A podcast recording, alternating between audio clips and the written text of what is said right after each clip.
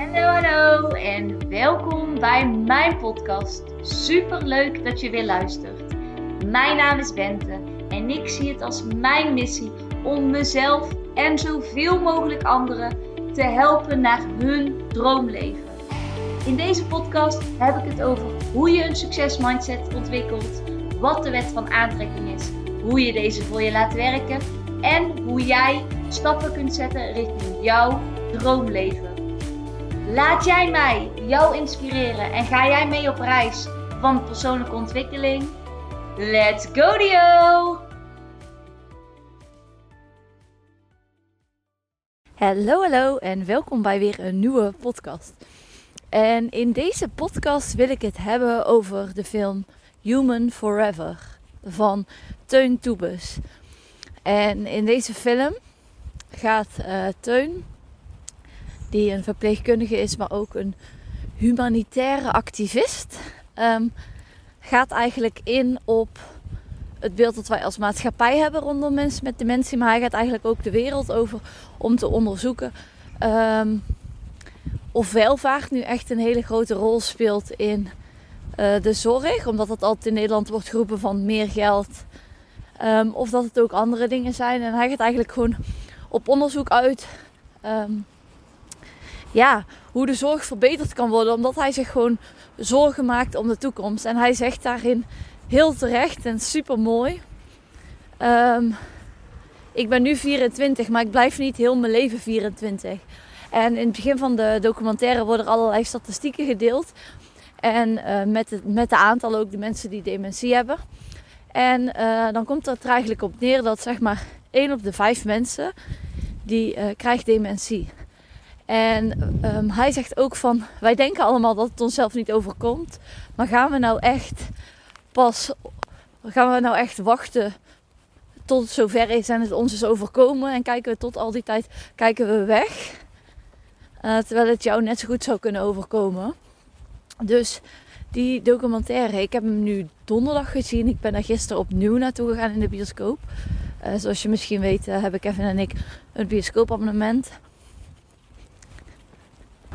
En ik vond de film gewoon te fantastisch. Hij is heel heftig, confronterend, maar ook supergoed. En ik denk oprecht dat het een film is die uh, de mensheid, wil ik zeggen, de maatschappij, dat, dat die film echt dat in beweging kan gaan zetten. En uh, ja, ik denk echt dat hier over tientallen jaren dat er terug wordt gekeken naar zijn film. Als het dan gaat om geschiedenis maken, denk ik dat hij echt iets gaat veranderen. En in deze podcast wil ik eigenlijk meenemen in een aantal inzichten die ik in die film kreeg. En wil ik ook eigenlijk gewoon iedereen die hem luistert, maar ook dat je aan iedereen adviseert om naar deze film te gaan. Want deze film is echt fantastisch. Ik vind dat het echt een film is die vanaf een jaar of 11, 12 zou alle kinderen dit moeten zien. En zeker alle volwassenen, alle mensen in de zorg, maar ook eigenlijk gewoon iedereen. Niet alleen de mensen in de zorg, juist ook alle mensen eromheen. Want we hebben geen briefje gekregen dat het voor ons niet gaat gebeuren. Dus dat weten we gewoon niet. En waar de film dus heel erg om draait, is het stukje van. In Nederland is ons systeem heel erg gebouwd op vrijheid. Op het moment dat uh, mensen dementie hebben en het is op een bepaalde, in een bepaalde vorm. Dan kunnen mensen vaak niet meer thuis gaan wonen. En dan gaan mensen in een uh, verzorgingstehuis, in een verpleeghuis komen ze dan te wonen. En um, dat ben ik trouwens vergeten te vertellen. Dat is ook wat Teun doet. Hij heeft drie jaar lang gaat hij in een verpleeghuis wonen. Ook al heeft hij geen dementie. Maar hij wil gaan ervaren hoe het is. Omdat hij dus zegt, ik blijf niet heel mijn leven 24 en er komt een tijd dat ik hier ook zit. En nu kan ik nog zelf weg, maar dan kan dat niet meer. En dat is gelijk waar het eerste punt eigenlijk om gaat van... In Nederland is ons hele systeem gebouwd op veiligheid. Op het moment dat mensen een bepaalde vorm van dementie hebben en niet meer thuis kunnen wonen, gaan ze naar een verpleeg- of een verzorgingstehuis. En mijn oma is daar zelf overigens ook naartoe gegaan. En um, wat dan eigenlijk gebeurt, is mensen worden dan uh, soms op een open, maar vaak dan op een gesloten afdeling geplaatst. Wat betekent, iemand anders bepaalt wanneer de deuren open gaan iemand anders bepaalt uh, wanneer de deuren dicht gaan. Iemand anders bepaalt hoe laat je opstaat, iemand anders bepaalt um, welke kleren je misschien aan doet, ligt er misschien ook aan de verpleegkundige. Maar eigenlijk heel de dag door. Iemand anders bepaalt hoe laat je eet. Iemand anders bepaalt wat je eet. Iemand anders bepaalt hoe laat je je medicijnen krijgt. Iemand anders bepaalt uh, hoe laat je naar de wc wordt gehaald. Iemand anders bepaalt hoe laat je uit uh, je bed wordt gehaald. En wat ik daarmee wil zeggen is niet om met een vinger te wijzen naar de zorg. En dat is ook absoluut niet wat hij doet. Maar wel van, wij zijn eigenlijk een vrij mens, heel ons leven. Wij kunnen in principe doen en laten wat we zelf willen. We kunnen de deur uit wanneer we willen. Uh, tot er dus dat punt komt dat we dus vergeetachtig worden op een bepaalde maat. En dat wordt voor ons vastgesteld. En er wordt voor ons bepaald van wij, dat, dat we daar naartoe moeten. En dan hoor je ook zo'n vrouw zeggen van ja, ze zeggen dat het beter is. Maar God mag weten waarom, iemand, waarom ze mij hier neer hebben gezet. En op dat moment hebben ze in één keer helemaal geen keuze meer. En de keuzevrijheid van de mensen is volledig weg. En door alle gesprekken die Teun in zijn documentaire met iedereen aangaat, kom je er eigenlijk achter van die vrijheid die is zo belangrijk en die zijn we gewoon helemaal uit het oog verloren. En dan weegt dus op van, ja, dan is de afweging van, willen wij veiligheid ten koste van, ten koste van levensgeluk en van vrijheid? En willen we kwantiteit over kwaliteit? En toen eigenlijk in zijn documentaire kom je er eigenlijk steeds meer achter, ook door het gesprek met mensen, dat uiteindelijk die vrijheid veel belangrijker is voor mensen. Maar dat wij als maatschappij bang zijn om de verantwoordelijkheid te nemen, dat ze misschien de deur uitlopen en dat er iets zou gebeuren. Maar dat is eigenlijk heel hun leven zo geweest.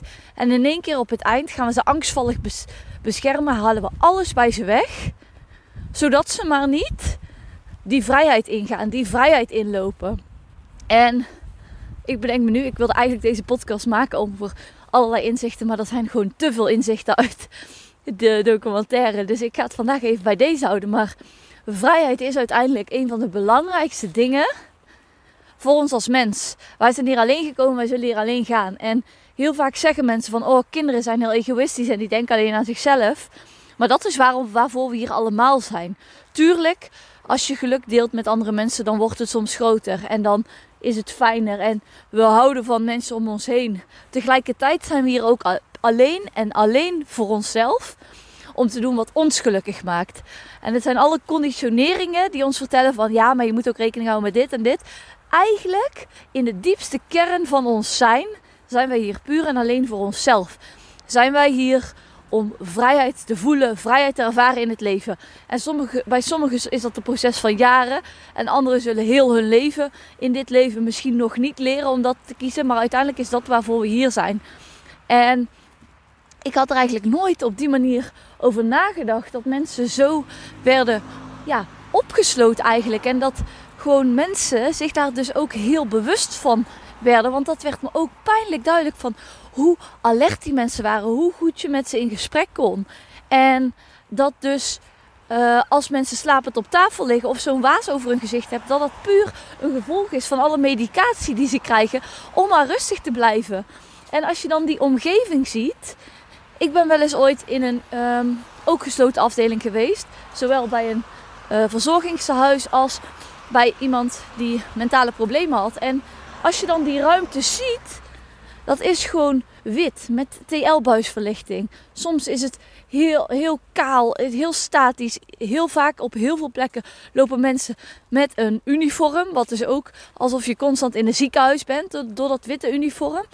En daardoor geef je al een bepaald beeld af. En dat geeft al een bepaald gevoel. En ik weet nog alle keren, en dat was op allebei de plekken. Als ik daar was geweest, voelde ik me zwaar ellendig. En dat was niet alleen door de mensen die er zitten, maar ook gewoon hoe het hele stuk was ingericht. En in de documentaire gaat Teun dus op heel veel verschillende plekken in allerlei landen op bezoek. Om te kijken wat kunnen we nou leren van elkaar. En ik vond het heel confronterend en tegelijkertijd hij zegt het ook van ik zie dus dat we ook nog heel veel kunnen winnen. We kunnen nog heel veel halen bij elkaar. En dat geloof ik ook. En ik geloof en ik vertrouw er ook op dat voor ieder mens er een bepaalde vrijheid is bedoeld. En ook voor mensen met dementie. Want uiteindelijk, en dat zeiden ze zelf ook, en ook heel veel begeleiders van behandel ze als mens. We gaan op het moment dat ze dingen vergeten, gaan we helemaal terug en denken we. komen af en toe even mensen langs. Ik ben hier aan het renten in de woonwijk. Maar ze zijn, ze zijn nog steeds de mensen. Ze hebben nog steeds een, intern, een interne gevoelswereld. En een hele sterke gevoelswereld. En dat we dat ten alle tijden niet mogen vergeten. En het heeft mijn vlammetje helemaal, helemaal aangezet. Omdat het ook zoveel overeenkomst heeft met hoe er naar kinderen wordt gekeken. En daar geloof ik ook zo sterk in van het zijn mensen. Wij zijn niet meer omdat wij nou eenmaal een aantal jaar ouder zijn. Hetzelfde met ouderen. Zij zijn niet minder omdat zij dingen aan het vergeten zijn. Wij zijn allemaal mens. En daar refereert natuurlijk de titel ook aan van Human Forever. Je bent een mens voor altijd. En wij als mensen, wij zijn altijd gelijk en wij hebben altijd recht op vrijheid. En door zijn documentaire te zien, zie je wel dat vrijheid en bepaalde zorg, dat dat niet alleen een recht is, zoals hij zegt, heel mooi. Hij zei, ik dacht dat het een recht was, maar het is oprecht een voorrecht. Dat we dat mogen ervaren. Maar ik denk dat het voor, dat het voor iedereen bedoeld is. Iedereen zou heel zijn leven als mens moeten worden behandeld. En iedereen zou heel zijn leven een mate van vrijheid moeten voelen en ervaren. En op het moment dat jij dus nu niet die bepaalde vrijheid voelt in jouw leven, dan is het tijd voor jou om actie te gaan ondernemen en te gaan voelen. Wat kan ik nou doen om meer vrijheid te gaan ervaren in mijn leven? Wat kan ik doen om vrijheid te voelen? Welke acties kan ik in de toekomst? Welke uitzetten? Welke persoon moet ik zijn om meer vrijheid te ervaren in mijn leven? Want het begint uiteindelijk bij jouw leven. En doordat jij meer vrijheid toestaat in jouw leven, kun je dat ook voor anderen. Kun je daar ook voor anderen over na gaan denken. En kun jij bij anderen betrokken zijn. En kun je anderen daar misschien bij helpen en ondersteunen. En dat is waar ik hem eigenlijk bij wil afsluiten. Vrijheid is voor ons allemaal belangrijk. En we zijn ons hele leven mens. En het maakt niet uit of we nu een baby zijn of dat we nu 95 zijn en niks meer weten over ons verleden. Wij zijn allemaal mensen, dat blijven we voor altijd. En ga alsjeblieft de documentaire opzoeken. Ga hem bekijken of ga naar de theatershow. Hij heeft ook een theatershow. En deel het met iedereen die je kent. Want echt, het is zo waardevol. En je leert er zoveel dingen uit. Dus ik hoop dat je dat gaat doen. En ik vond het super leuk dat je weer hebt geluisterd. Tot de volgende keer. Doei!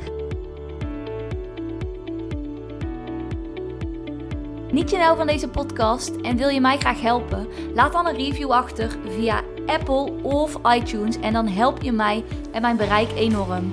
Ik wil graag zoveel mogelijk mensen inspireren en helpen. Dus als jij me een klein stapje kunt helpen, waardeer ik dat enorm.